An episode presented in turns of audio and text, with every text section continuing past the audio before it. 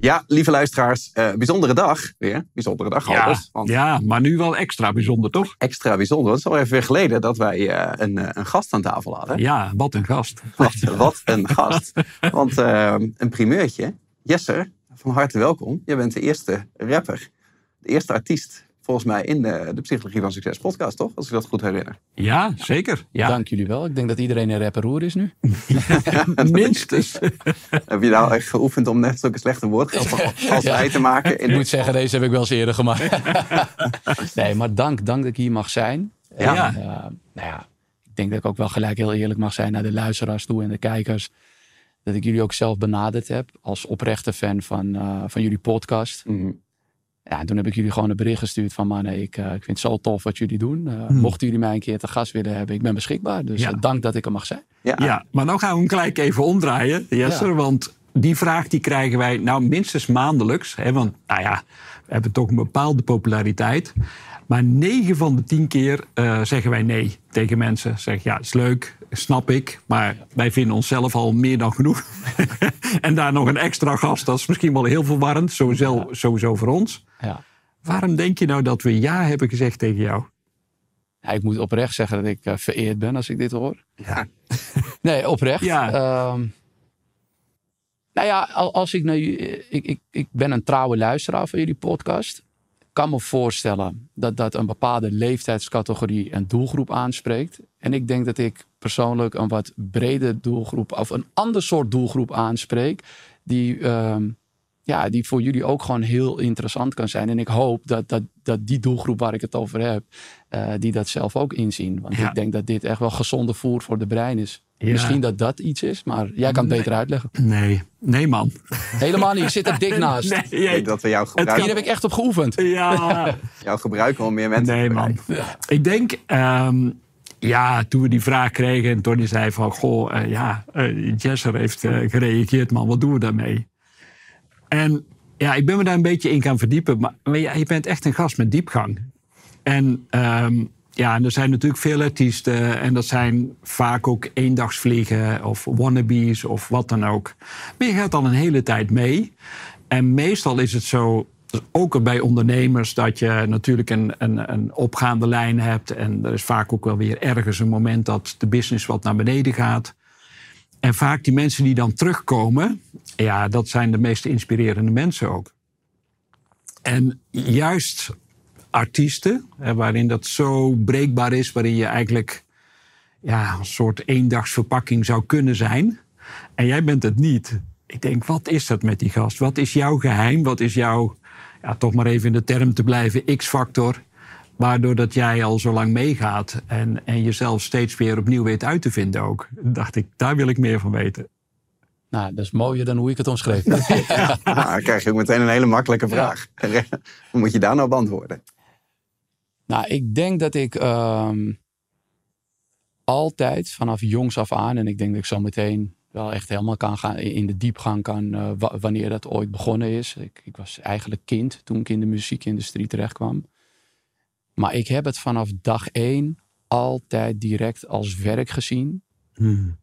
En ook als iets van dit wil ik niet gaan doen voor de komende vijf jaar. Ik weet nog toen ik net mijn eerste officiële top 40 hit had. Dat heel veel mensen om mij heen in de muziekindustrie zeiden. Nou, de haalbaarheid van een artiest is vijf jaar. En toen dacht ik. Maar Gerrit Joling zie ik al langer dan vijf jaar op televisie. en dan weet ik niet of dat direct mijn eh, ideale voorbeeld is. Met alle respect voor Gerrit Joling. Want die heeft natuurlijk ook gewoon een eh, mooie carrière. Maar zo ook andere voorbeelden. Misschien nog een betere voorbeeld is mijn held en idool Eminem. Je kan soms jaren niks van Eminem horen, maar zodra hij een tournee of een album lanceert, dan zijn alle ogen gericht op Eminem. En nou neem ik echt een, een, een heel groot voorbeeld. Maar ik denk dat eh, ja, het meest ideale antwoord op je vraag is het vanaf het eerste moment super serieus nemen. Hmm. En, en natuurlijk ga je groeien met de tijd en ga je, hoe mate je volwassen wordt, dingen anders zien en, en nog beter inzien over het algemeen. En dat is denk ik eh, ja, toch wel gewoon een antwoord op je vraag. Ja, Had jij toen je begon, want dat is dus al van kinds af aan, Was het zo duidelijk meteen dat je wist van dit is gewoon mijn ding, dit is wat ik moet gaan doen? Niet meteen. Ik, uh, nou om, om de mensen een beetje een beeld te geven op zich staat dit, uh, vind je dit ook redelijk snel op Google. Maar ik kom uit een uh, best wel multicultureel gezin, zeg maar. Ik ben geboren en getogen in Amsterdam, Amsterdam-Oost om precies te zijn. Ik heb een vader die uit Egypte komt en een moeder uit Marokko. En mijn ouders kwamen allebei uit een, ja, uit, uit een gezin waar opleiding heel erg belangrijk was. En mijn vader zei altijd van, hé, hey, ik heb echt gebikkeld. Ik ben met een hele slechte smoes vanuit Egypte naar Nederland gekomen om jullie een uh, beter leven te geven. En uh, hmm. dus maak er wat van. En mijn, mijn vader had eigenlijk al voor me bepaald, ik wil dat jij piloot wordt. Geen idee waarom, blijkbaar hij had het zelf en is het hem nooit gelukt. Uh, maar dat, dat was een beetje de ideale droom die hij had. En mijn moeder had zoiets, ja, je vader wil dat je piloot wordt. Dat, dat, ja, dat vind ik eigenlijk ook. Nou, ik kwam er al heel snel achter dat ik vliegen leuk vond, maar ik hoef niet zelf te vliegen. Dus ik had één droom en dat was profvoetballer worden. Nou kon ik best wel goed voetballen en ik hoorde binnen de amateurclubs altijd wel bij de betere spelers uh, binnen de lichting. Maar ik had niet het talent om bij een BVO te voetballen. Mm Maar je bent nu voetbaltrainer van de ploeg waar je zoon in speelt, toch? Ja. Ben je dan zeg maar nu jouw voetbalambitie aan het overdragen op je zoon. Net zoals je vader zijn ambitie op jou heeft overgedragen. Daar moet ik met de jaren achter komen. nee, ik heb wel op een gegeven moment was mijn zoontje uh, zes jaar. En toen zei mijn vrouw van joh, hij is uh, nogal druk. Zullen we niet kijken of hij nog een bezigheid kan hebben naast, uh, naast school? Toen zei ik, ja, hij moet op voetbal. Gaat hij echt leuk vinden. Hmm. Zijn eerste vier, vijf maanden bij voetbal. Mijn vrouw heeft zich scheel gelachen. Hij zat alleen maar koprollen te maken. kunstgras sprieten, want dat is tegenwoordig eruit te trekken. En nou, er zat alles behalve een voetballer in. Maar ik heb wel echt gebikkeld, door blijven gaan met trainen. En nu vindt hij het oprecht leuk.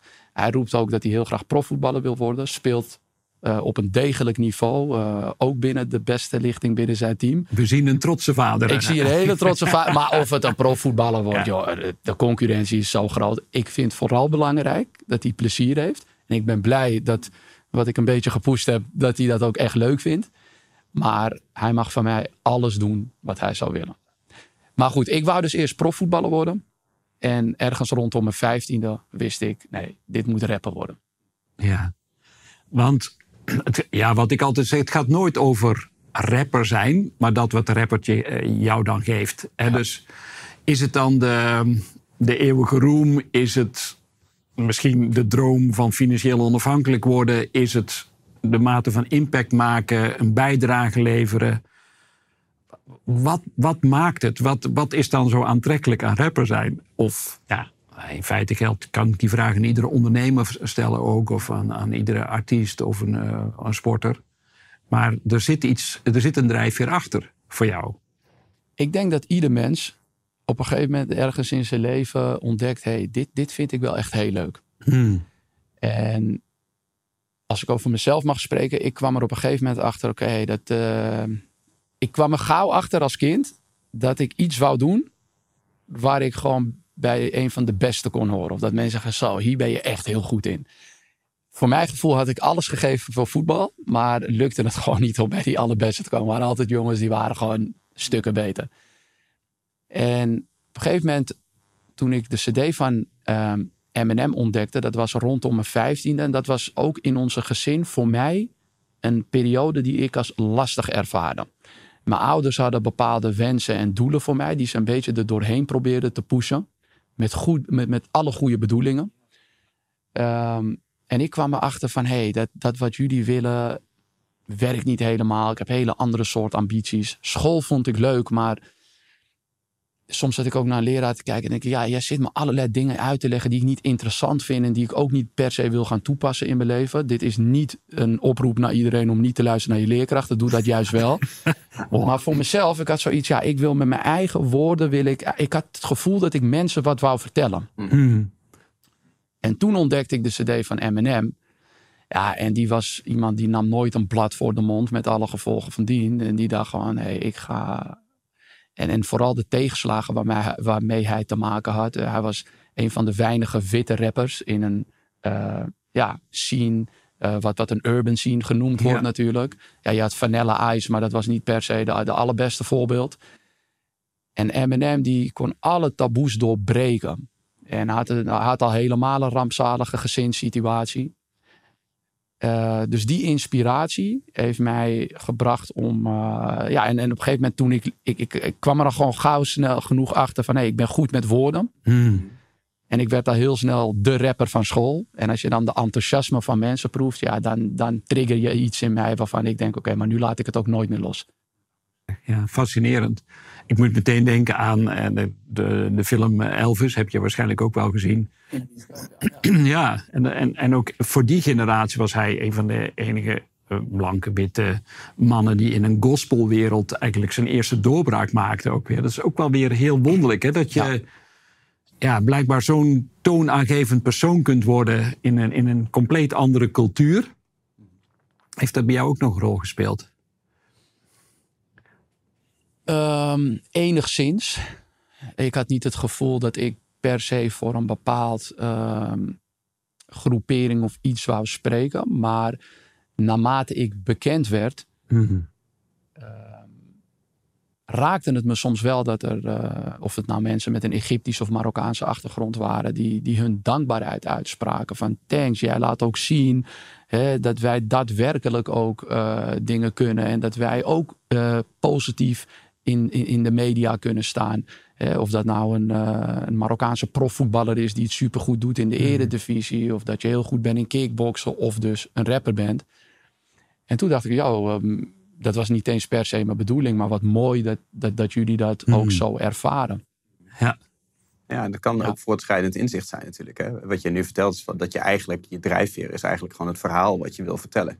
Hè, wat je bij Eminem hebt gezien. Ja. Dat hij zijn verhaal vertelt. Of dat hij taboe doorbrekend is met zijn verhaal. Dus de Ja. impact die hij op de wereld wil maken. Ja. Dat is natuurlijk een hele andere drijfveer dan dat je een artiest wordt gewoon omdat je geld wil verdienen. Of omdat je bijvoorbeeld alleen maar met muziek bezig wil zijn. Absoluut. Maar dat, Ja. dat vormt zich natuurlijk naarmate je ermee bezig bent. Wat precies je verhaal is of je drijfveer.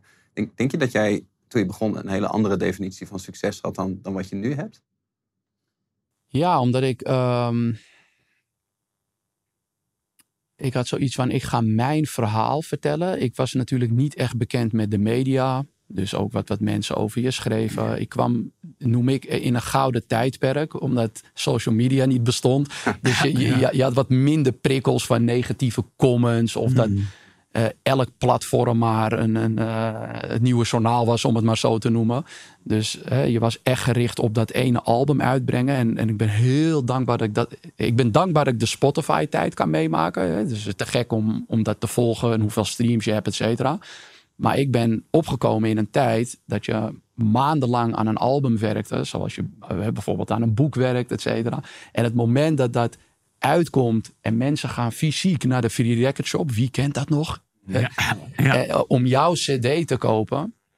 En, en eh, op een gegeven moment doe jij een free record shop tour waar je signeersessies doet, et cetera. En dat, dat je ook ziet hoe mensen daar maandenlang naar hebben uitgekeken. Ja, dat is de allergrootste beloning op, eh, op al het harde werken wat je erin hebt gezet. Kijk, ik ben opgegroeid in een redelijk multiculturele buurt. Hè, met gasten die Ahmed heten en eh, Virgil, maar ook een Tom. Hè? En wat mij dan opviel bij eh, bijvoorbeeld, eh, en dat waren toch vaak, kijk, ik ben ook gewoon Nederlands, hè, ik ben hier geboren en getogen, maar ik voel me enigszins ook gewoon buitenlands met Mhm. eh, ouders uit, uit Noord-Afrika. Maar die ene Tom, om maar een voorbeeld te geven dan, die had dan vaak ouders, die hadden een, een bedrijf en die hadden echt wat voor hem opgespaard. En hiermee kan je, je je studie gaan doen en een soort van startgeld. Ja, mijn ouders waren hardwerkende mensen en die hebben ons alles gegeven in de vorm van liefde. Maar het was niet nog een financiële luxe om, om mij geld te geven voor een opleiding. Of hier kan je je rijbewijs gaan halen. Ja, het was gewoon genoeg geld om iedere maand boodschappen te doen. En we waren lucky dat we één keer per jaar ook gewoon op vakantie konden. Maar het was niet echt heel breed of zo. En naarmate ze meer kinderen kregen, werd het steeds krapper eigenlijk ook. Ja. Dus ik had daar heel snel zoiets van, hé, hey, ik, ik heb net iets betere kansen dan, dan dat mijn vader die had. Want die is Mhm. echt werkelijk ooit met 300 gulden vanuit Egypte naar Nederland gekomen. Van oké, nu moet ik gaan surviven. Dus voor mezelf en voor... ik had al heel snel de wens om kinderen te krijgen. Dacht ik, hé, dit wil ik later wel voor mijn kinderen kunnen doen. Net als hoe Tom dat ook had. Die kans wil ik hem ook geven. Mijn, mijn kansen zijn wat groter. En die- dat is ook wel een bepaalde drive die ik heb gehad. Maar ook, als ik heel eerlijk mag zijn, het verhaal van mijn vader. eh, Want, want hij is echt een heel grote inspiratiebron voor mij. Als ik het vertel, voel ik altijd gewoon weer kippenvel opkomen. Ik denk, ja, hij is ooit met een hele slechte smoes vertrokken uit Egypte. Hij heeft tegen zijn ouders gezegd, ja, ik ga naar Nederland, want je kan daar wat sneller je rijbewijs halen. Nou, geloof me, het is tien keer moeilijker om je rijbewijs Ja. in Nederland te halen dan in Egypte. En eh, nou ja, mijn opa, die inmiddels overleden was, was eigenlijk de enige binnen zijn gezin die hem daarin supportte. Die had zoiets, nou jongen, ik hoor je al sinds jongs af aan dat je naar Europa wil voor een beter leven. Ga het proberen. Nou, als jij hier met 300 eh, gulden naartoe komt en eh, hij kende één Egyptenaar die ergens in Amsterdam was, eh, die hem via via een baantje heeft geholpen. En op een gegeven moment kwam mijn vader in een snackbar terecht. En hij werkte in die snackbar, maar hij sliep ook in die snackbar. Gewoon begon met, met een tafel en een matrasje. En dat, dat was zijn alles. Ehm, en altijd hard gewerkt en altijd een doel voor ogen. Hij heeft op een gegeven moment zeven jaar zijn ouders niet gezien. Omdat eh, ja, hij moest eh, zijn leven hier opbouwen. En hij moest überhaupt een paspoort hebben om terug te kunnen. Anders had hij in Egypte dienstplicht. Dus dat waren wel voor mij dingen dat ik denk, oké, ik, ik, ik moet mijn vader, maar ook mijn ouders, die wil ik gewoon trots maken. Deze Mm. mensen hebben gebikkeld. En een van de mooiste beloningen voor hun is om te zien van hé, hey, we hebben het niet voor niets gedaan. Eh, onze, onze kinderen hebben wat bereikt. Ja, het is bijzonder. dat We hebben de laatste podcast opgenomen. Daar hadden we het ook over. ehm, dat zeg maar alles wat je in het leven wil, moet je echt verdienen. Hè? Dus wil je een fit lijf, ja, heb jij het dan verdiend om een fit lijf te krijgen? Heb je, Ja. heb je de voeding, de training ge- geleverd, die investering in jezelf om dat fitte lijf te krijgen? Als je een warme vriendengroep wil, verdien je het om een warme vriendengroep te hebben? Heb jij geïnvesteerd in die mensen, ook op het moment dat het misschien niet zo goed ging? Ehm, wil je een succesvol bedrijf? Ja, heb je dat verdiend om een succesvol bedrijf te hebben? Omdat je gewoon hard gewerkt hebt, de juiste keuze hebt gemaakt. Nou, zo is het denk ik met alles in het leven. Je moet het echt verdienen. En als je het niet verdient, dan raak je het over het algemeen kwijt. Of als je het niet zelf hebt gecreëerd. Als je in Nederland bent geboren, als je dat vergelijkt met de situatie van je vader, dan zijn er al zoveel dingen, zijn je eigenlijk al gegeven, die jou een geniale uitgangspositie geven om te gaan ondernemen of om al je dromen na te jagen ten opzichte Ja. van een andere plek. Maar eh, omdat je dat nooit zo hebt gevoeld, dat je dat niet echt hebt verdiend, want alleen door geboren te worden heb je het misschien nog niet verdiend, Ja. dan schat je dat ook minder op waarde, die uitgangspositie die je hebt. En dan maak je daar misschien ook minder gebruik van die kansen. Maar als het zo dicht bij je ligt, gewoon door je vader, die dat wel echt voor jou ook verdiend heeft, of voor de familie verdiend heeft, door al die risico's wel te nemen, die stap te zetten, dan kan me heel goed voorstellen dat je daar dan eh, serieuzer mee omgaat. Ja, of dat het ook stiekem onbewust in je DNA zit. Weet Ja. je? Dat, dat, Ja. dat van eh, die wilskracht en van hé. Hey, da- daarom herkende ik ook heel erg mezelf in Eminem. Hmm. Want dat was eigenlijk ook wel hè, de hele, eh, een soort van levensstory die mijn vader, alleen mijn vader heeft daar niks met rappen, maar die drive van hé, hey, we moeten. Ja. En ja, dat, dat gaat zich enigszins belonen. En dat, dat kan je bijvoorbeeld terugzien in je kinderen. Hè? Als, eh, ik ben een kind van mijn vader, dus ik had al zoiets van hé, hey, deze man heeft echt hard gebikkeld. Tot de dag van vandaag bikkelt hij nog steeds. Ehm, ik wil die zoon zijn die op een hele jonge leeftijd eh, hem ontlast. Dus ik Hmm. was al heel vroeg vanaf mijn 15 dat ik al zoiets. Nee, ik wil. eh, Oké, rap is mijn droom, daar ga ik voor. Maar bijbaantjes en om ook met dingen als schoolgeld, et cetera. Hem, ik, ik noemde de hele tijd mijn vader, maar ik Hmm. moet mijn ouders allebei de credits geven. eh, om mijn ouders eh, zo min mogelijk te belasten. Ehm, en mijn vader, daarom vond ik het ook super mooi dat, dat mijn vader en moeder een keer tegen me zeiden: van joh, weet je, als we, jij, jij was zo vroeg uit huis. Wat wij altijd tegen mensen zeggen is van, ergens vinden we het jammer, want die jongen werd te snel volwassen. We hadden nog wat langer van hem willen genieten in huis. Maar we kunnen nooit zeggen dat Jesse ons veel gekost heeft of zo. Terwijl we dat met alle liefde hadden gedaan. Want we hebben je met liefde gemaakt. En toen dacht ik, ja, prachtig. Dan is, eh, dan is hetgeen wat ik voor ogen had ook gelukt. Ja. Ik geef je aan, een rolmodel is belangrijk voor je. Je vader is een rolmodel. M&M is een belangrijk rolmodel voor jou. Zijn er nog meer eh, in jouw leven dat je denkt... oké, die zijn voor mij super inspirerend. Hè? Het kan in de vorm van een persoon zijn. Hè? Maar het is dan een rolmodel, maar het kan ook een situatie zijn... of een geloof of Ja. iets, iets wat jou houvast geeft... of in ieder geval ja, een, een richting geeft in jouw leven. Wat altijd een rode draad in mijn leven is geweest, is mijn religie. Ik ben uh, islamitisch uh, opgevoed. En ik heb wel altijd fases gehad dat ik, uh, en misschien dat heel veel mensen zich hierin herkennen, of je nou wel of niet islamitisch bent, is dat ik merk wanneer ik echt even tot mezelf wil gaan, dat, dat de verbinding met, met Allah, met mijn gebeden, dat ik die vooral opzocht op momenten dat het wat minder ging. En of dat hmm. nou emotioneel was of, of werkdruk. En op momenten dat het weer goed ging, onbewust, liet ik het los. En de laatste keer dat het wat minder ging met mij, uh, uh, ja, uh, de, we hebben allemaal met, wel eens met betere en mindere goede periodes te maken. Toen zocht ik, en eigenlijk geïnspireerd door een goede kennis van mij, die heeft me eigenlijk niet eens gepusht Hmm. Maar ik zag hem onbewust. Iedere keer als wij in gesprek waren of we waren ergens. Hij zei: hey, Sorry, ik moet nu even bidden. Want hè, als uh, moslim bid je vijf keer per dag. Toen dacht ik: Wauw, wat mooi. Ongeacht wat er gebeurt of hoe de dag loopt. Deze man heeft altijd zijn gebedskleed bij zich. Gaat zich reinigen zoals dat hoort.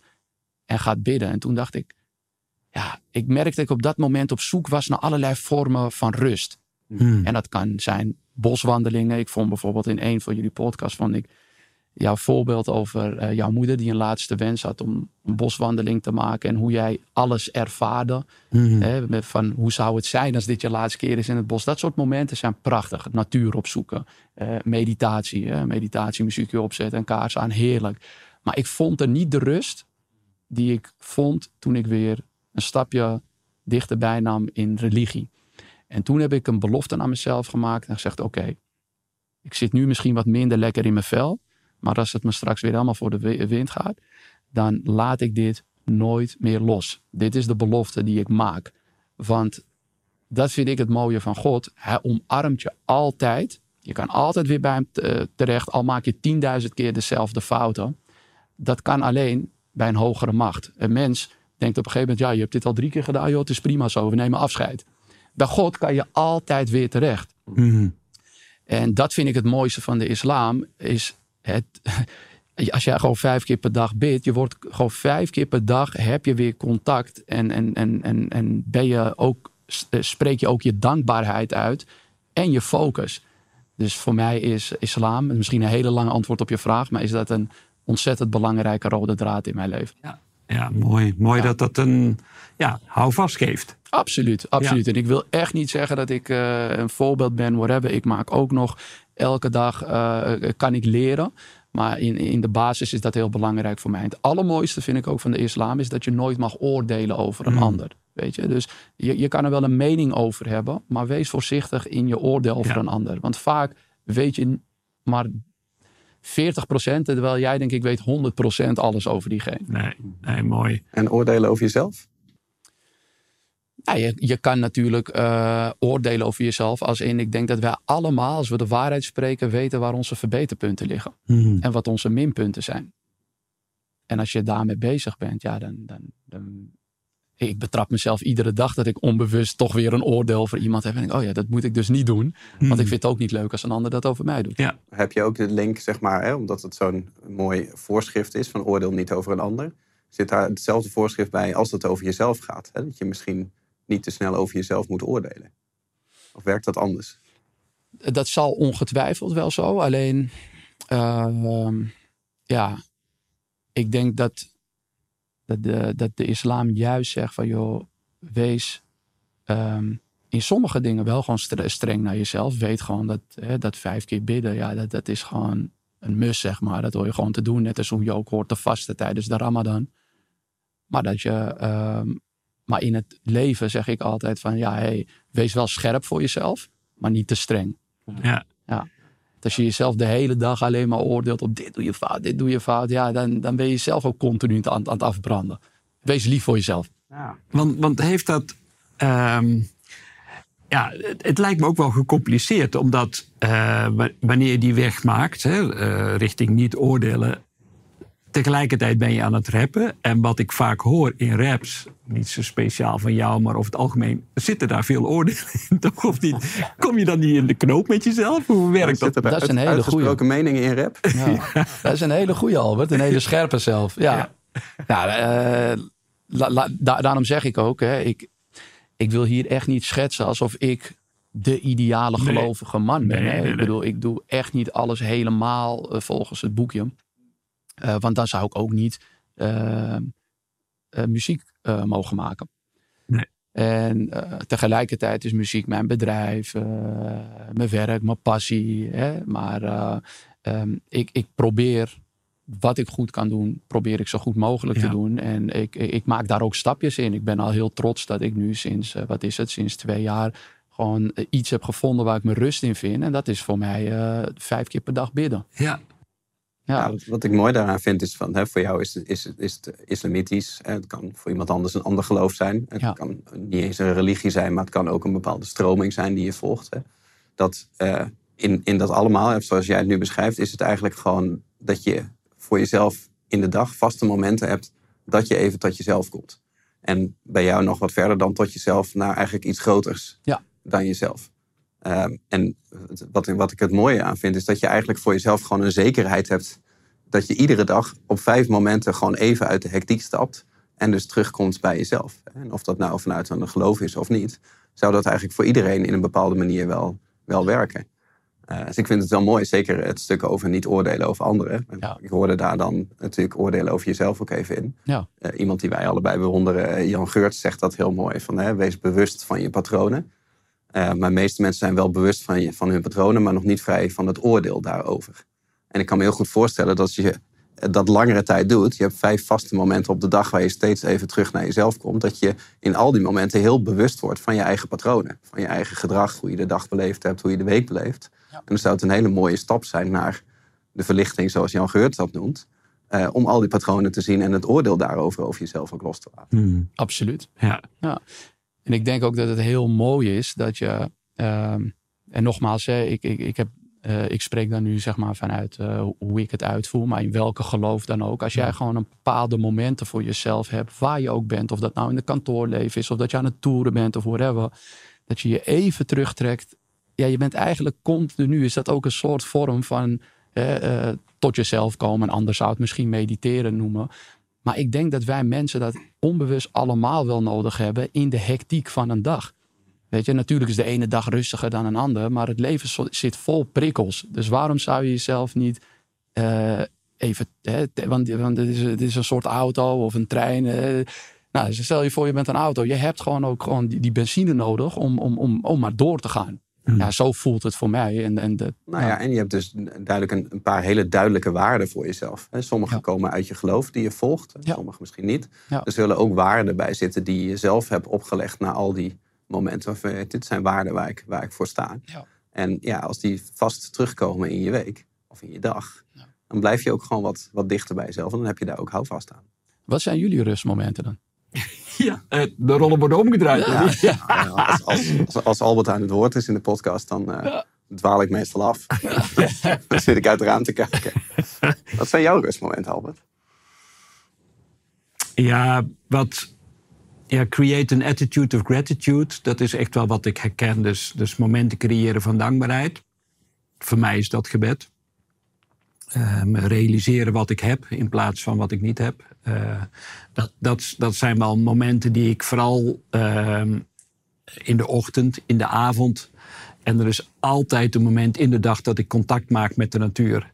Dus eh, de- er gaat geen dag voorbij of ik wel ergens iets van groen gesnoven heb. En als ik echt niet buiten kan komen, dan ga ik desnoods even een, eh, een, een kamerplant water geven, bij spreken. Maar ehm, ja, dat doet me realiseren dat ik in verbinding ben. Verbinding is voor mij ontzettend belangrijk.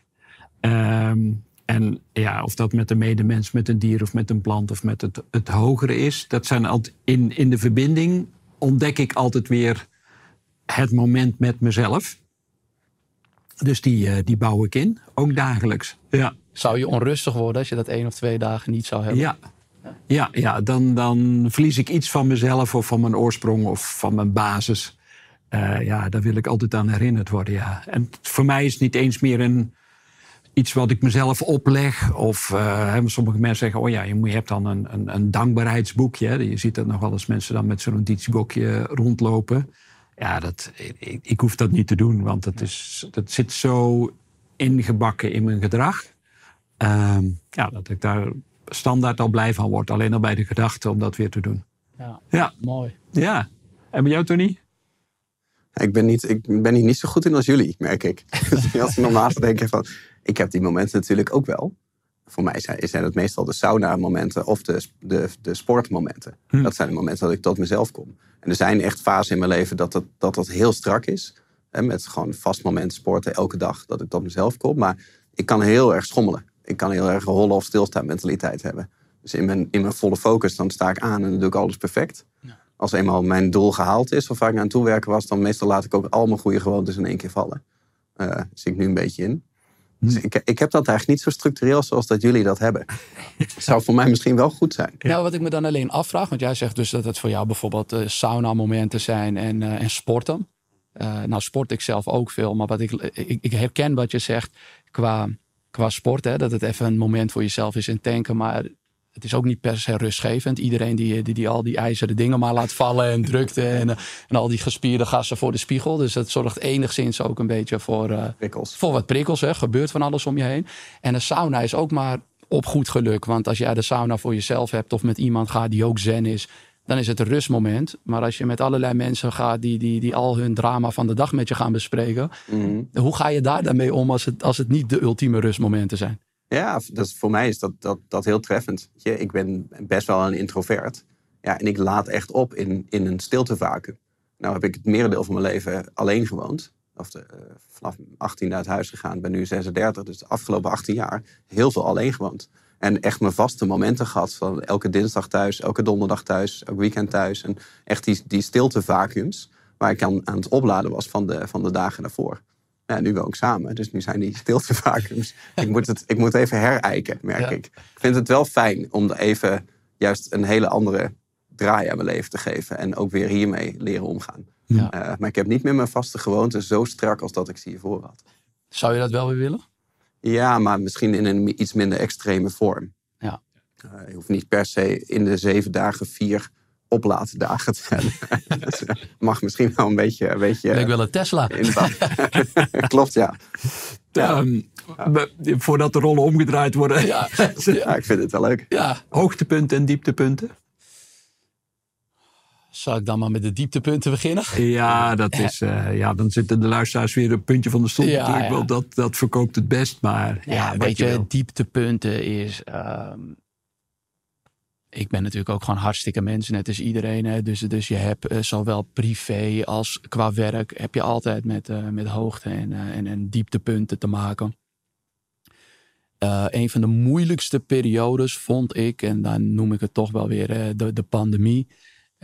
was dat er ehm, ja, toch wel een fase was... waar, waar ik merkte van hoe kwetsbaar het eigenlijk is... als wat ik geef mijn hele hebben en houden is, los van uh, religie en, en mijn gezin. Ik heb een ongelooflijk fijn gezin. Um, is dat toch ook wel mijn muziek. Hè? Omdat ik zoiets heb van dit. ik heb een eer hoog te houden voor die jongen van 16 jaar die dit heeft opgebouwd. En soms van Amsterdam Oost naar West letterlijk in de regen liep om ergens in de studio een liedje op te nemen. Want er was niet eens geld voor een tramkaart soms.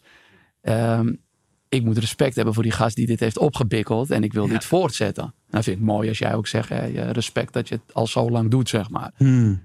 Dus diezelfde respect heb ik voor die jonge Jesser. Dus mijn hele leven bestaat eigenlijk al uit hetgene wat ik jaar in jaar uit doe. Ik mag, uh, wat is het, tussen de 100 en de 150 keer per jaar uh, mensen entertainen, onstage en alles. En dat werd van me afgenomen. Ja, en toen merkte ik wel dat ik op een gegeven moment stapje voor stapje wel, uh, ja, weet niet of het per se een burn-out was of whatever. Maar ik, ik vond niet dat ik in mijn meest lekkere fase zat. Ik was ook best wel ongelukkig. Ik, uh, ik, ik, verloor de totale interactie. Wat voor mij ook echt wel een belangrijke brandstof hmm. is iedere week.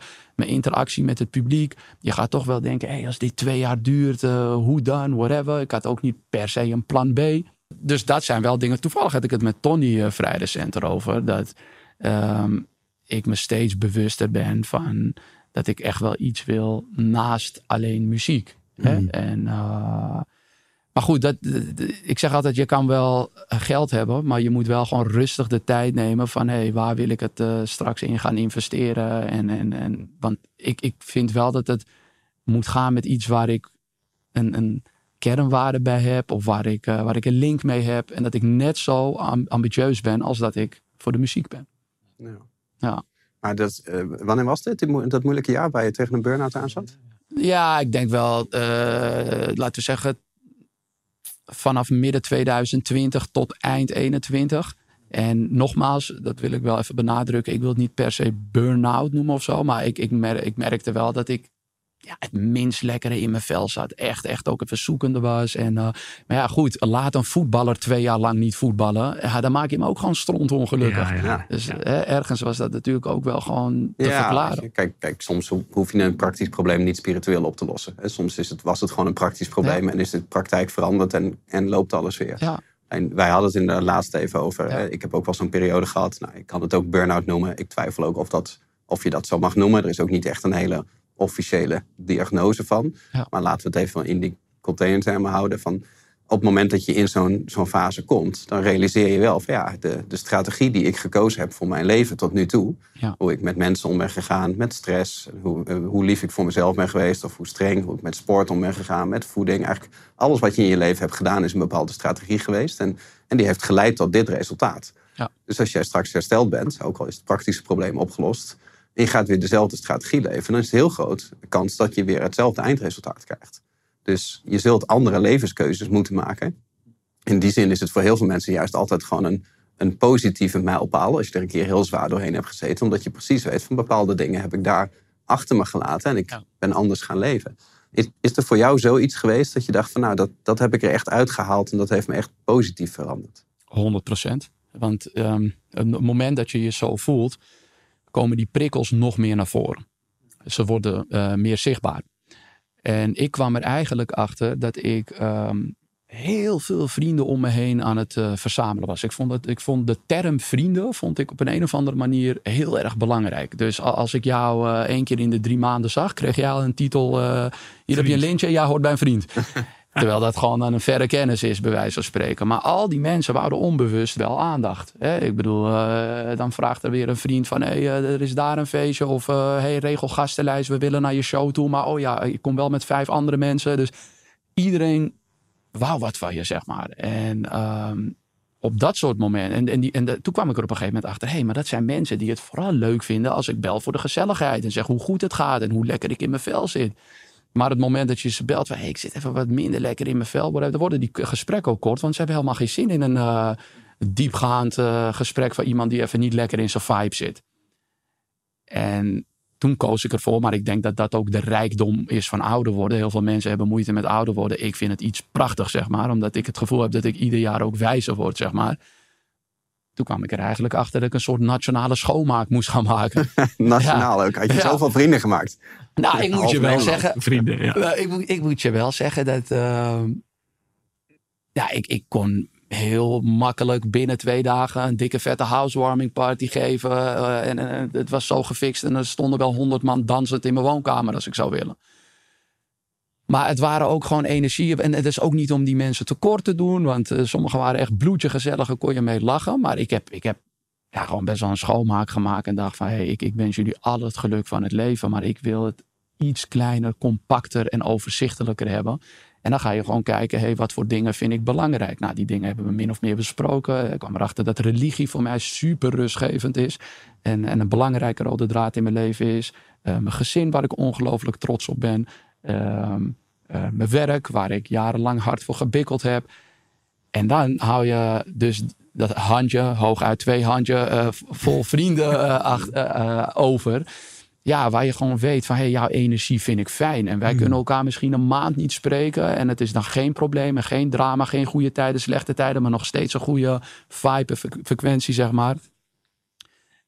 En ik hecht gewoon waarde aan vrienden met wie ik ook een goed gesprek kan hebben. Dan dat het alleen maar over de Champions League moet gaan. Mm. ja. Dus het heeft, ja, ik ik noem het een dieptepunt, maar eigenlijk moet ik ongelooflijk waarde hechten aan die periode. Ja, ik voelde me misschien minder happy, maar het heeft me drie dubbel zo happy Ja, gemaakt. Want hoeveel, hoeveel stem heb je daarin? Want ja, zo'n management heeft een belang, de platenmaatschappij heeft een belang. En jij hebt misschien ja, een, een heel artistiek en een creatief belang. Ja. Want je verandert gaandeweg je leven. Hè, jouw boodschap van begin is veranderd ten opzichte van nu. Ehm, ja, je wilt misschien een, een andere artistieke kant op. Dat is iets wat van binnenuit opkomt. En, maar het management of de, de platenmaatschappij zegt... ja, dat is wel leuk, maar dit verkoopt beter. Dus hou je maar een beetje aan eh, wat de markt vraagt... in plaats van wat je zelf wil brengen. Dat is een hele goeie. Ik denk dat ik vooral in het begin van mijn carrière, eh, was ik 17, 18 en tel dan die eerste paar jaar bij elkaar op, heel erg. eh, eigenlijk het enige waar ik leading in was, waren mijn liedjes. Daar had ik mijn totale artistieke vrijheid in. Maar ja, eigenlijk de hele strategie van de marketing van een album en eh, in welk programma je dat moest doen, et cetera. Ja, als ik terugkijk naar bepaalde dingen, denk ik, nou, dat had ik dan misschien wel anders gedaan. Maar dat was voor mij ook totaal nieuw. En Mm. ik was toen in de veronderstelling, je bent een artiest en je volgt gewoon het plan van de platenmaatschappij of het management. Ja. Nu, naarmate ik al aardig wat jaren in het vak zit en ook eh gewoon vol, ja, Oude rot ben je, een oude rot in het vak ben. Een Nee, oude eh, rapper. Nee, nu ben ik wel veel meer. ehm, ja, wat ik zeg, ik gebruik niet voor niets eh, woorden als kernwaarde, et cetera. Dat, ik vind wel heel belangrijk dat ik zelf 100% achter iets sta. Zoals er een aanvraag van eh, een tv-programma of wat dan ook komt. Ehm, ik ben niet meer bezig met, ja, leuk, ik, ik doe eraan mee. Ik ga achter een, een of ander. eh, ik doe mee aan een of ander spelprogramma, want dat is weer goed voor mijn zichtbaarheid. Nee, dan kom ik liever één of twee jaar niet op tv. Wetende dat ik toch wel het hele jaar door lekker op tour ben, zeg maar.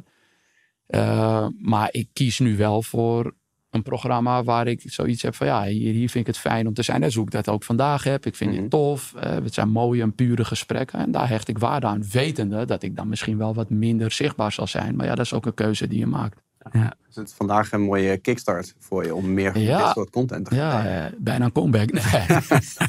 nee. doorstart. Ja. ja, dat vind ik ook wel grappig. Hè? Want ik kom best wel dagelijks mensen tegen in de supermarkt. Hé, hey, uh, ik heb je al een poosje op niet meer op tv gezien. Uh, doe je nog wat? Uh, ben je gestopt? Maar dan denk ik, ja, ik ben ook nooit bekend geworden om een soort tv-figuur te zijn. Hè? Ik ben gewoon een artiest. Ik maak muziek.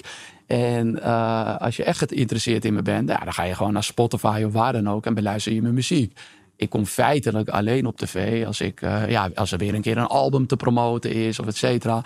Maar ik snap wel waar die vraag vandaan komt. En dat is een bepaald strategie die mijn vorige management een beetje uh, voor me bepaalde. Is dat, ja, het was maar een programma, een spelprogramma. En ik werd gevraagd en dan zat je er weer achter. Maar ik zat er vaak echt zoiets van, wat doe ik hier? Ik begreep dat het hele spel niet. Ik vond het überhaupt niet eens leuk. Mm -hmm. Maar ik heb er ook geen spijt van. Want als ik het niet had gedaan, dan was ik er ook niet achter gekomen dat ik daar nu anders over denk. Ja, ja exact. Ja. Ja, het gaat er waarschijnlijk in die fase heel erg over zichtbaarheid. Ja. Je moet top of mind blijven. Hè? Dat is voor een artiest is voor een ondernemer natuurlijk, natuurlijk net zo. Ja. En dan maakt het eigenlijk bijna niet uit op welke manier je zichtbaar bent.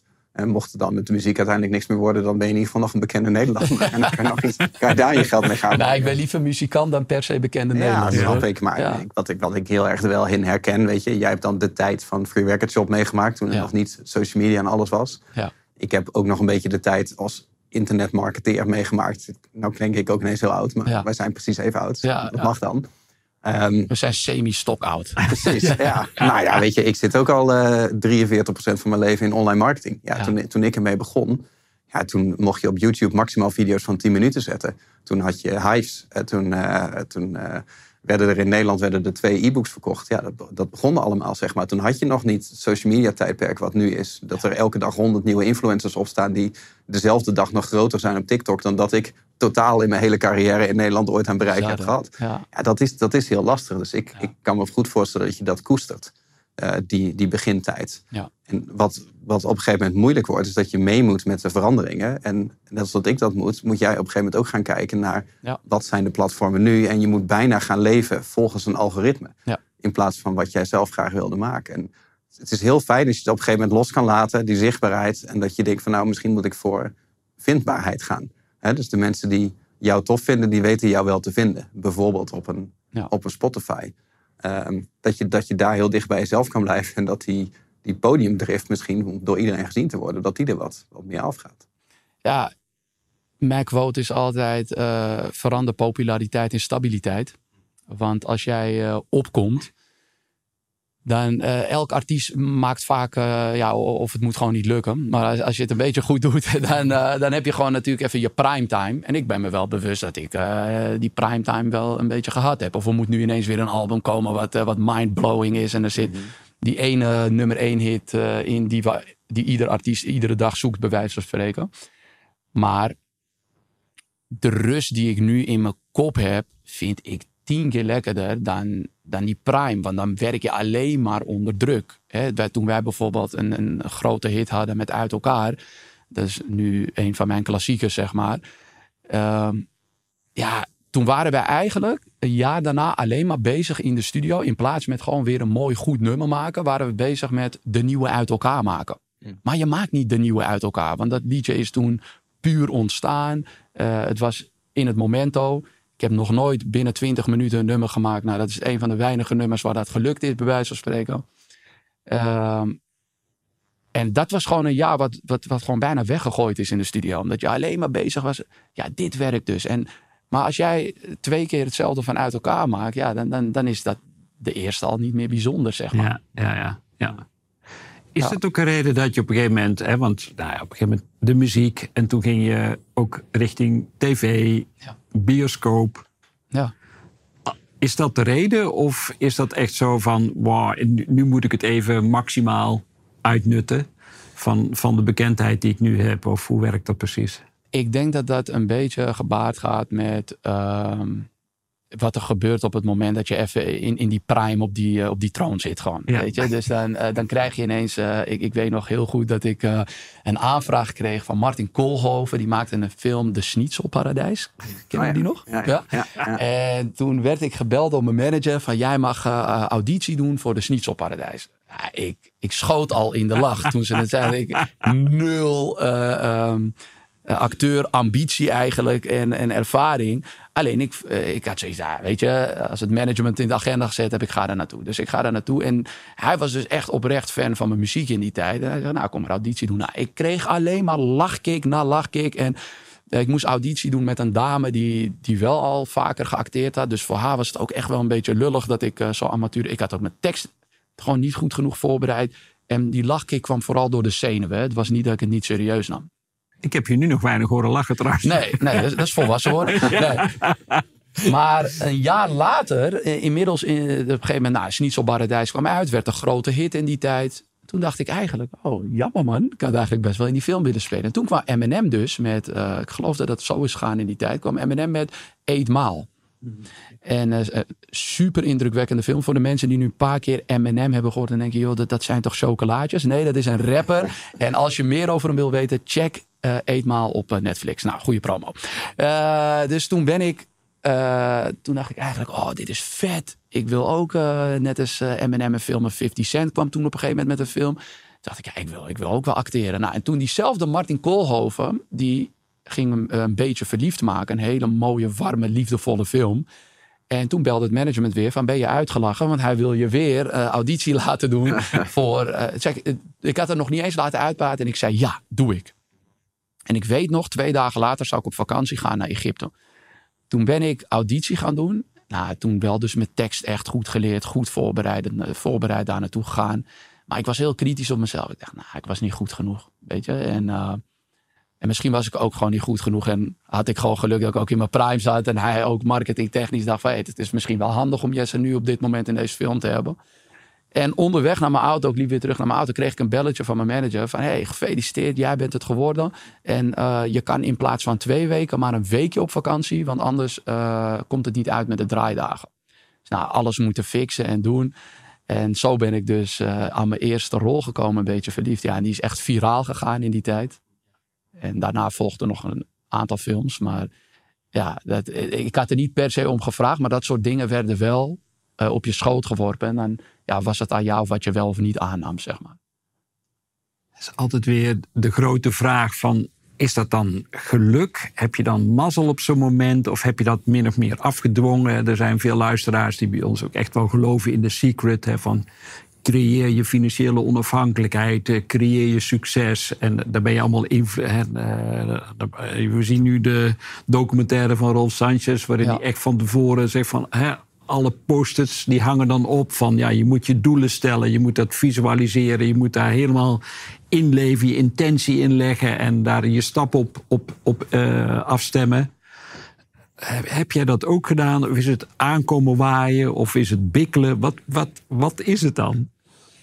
Nou, ik vind het wel mooi, want ook ik werkte heel veel met posters. Maar mijn posters waren vooral posters van M&M. Dat was mijn voorbeeld. En ik had zoiets, ja, dit, dit, deze man inspireert mij gewoon dag in, dag uit. Alleen het nadeel was dat mijn moeder om de twee dagen die posters van mijn muur knalde. Want mijn ouders die wouden dus totaal niet dat ik ga rappen. Die, die vonden het verschrikkelijk. En dat was misschien ook nog wel een van mijn grootste obstakels.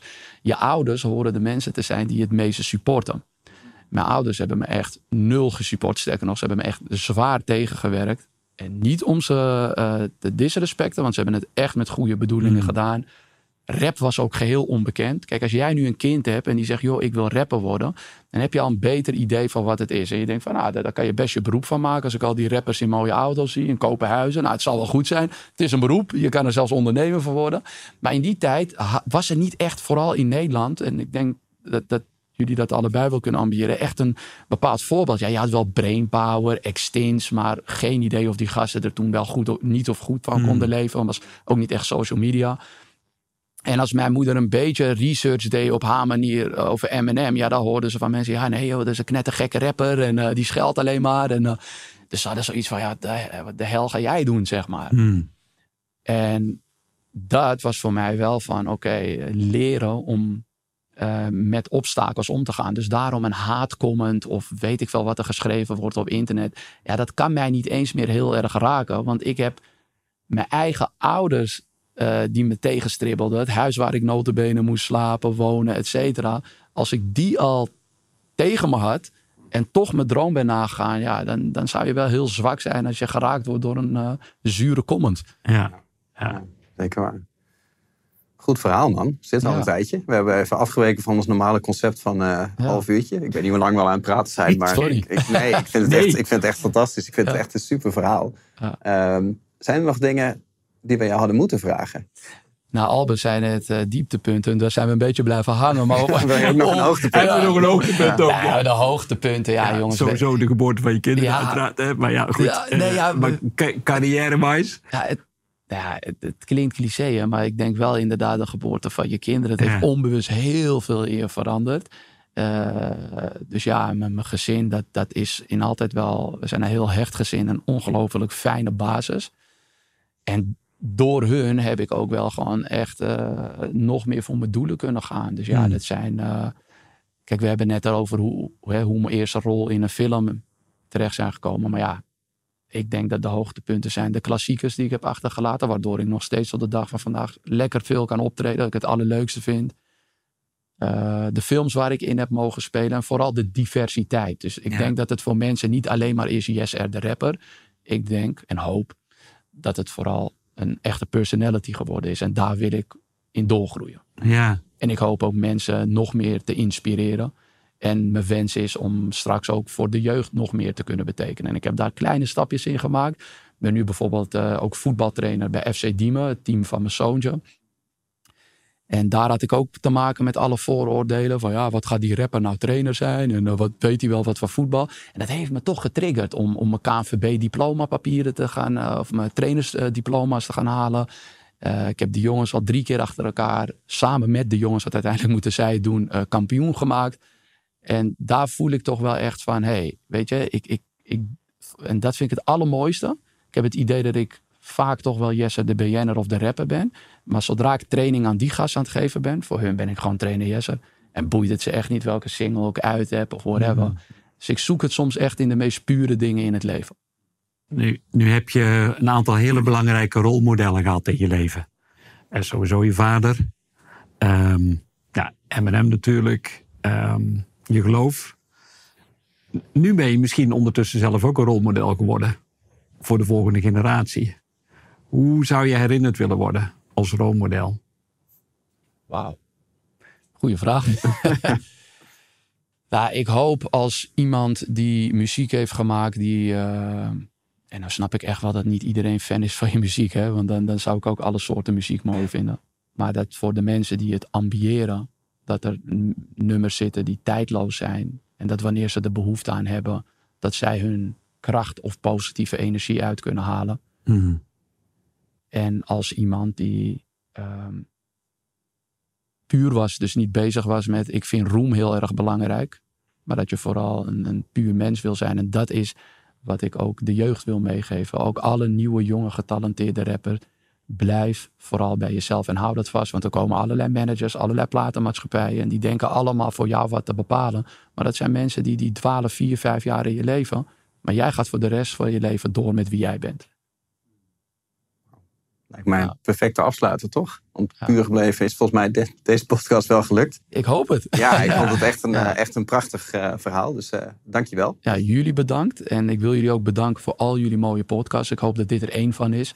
Jullie zijn voor mij echt een inspiratie. En vooral dankbaar tijdens al die lange ritten dat ik naar jullie kan luisteren. Wederzijds, man. Dankjewel. Dankjewel, mannen.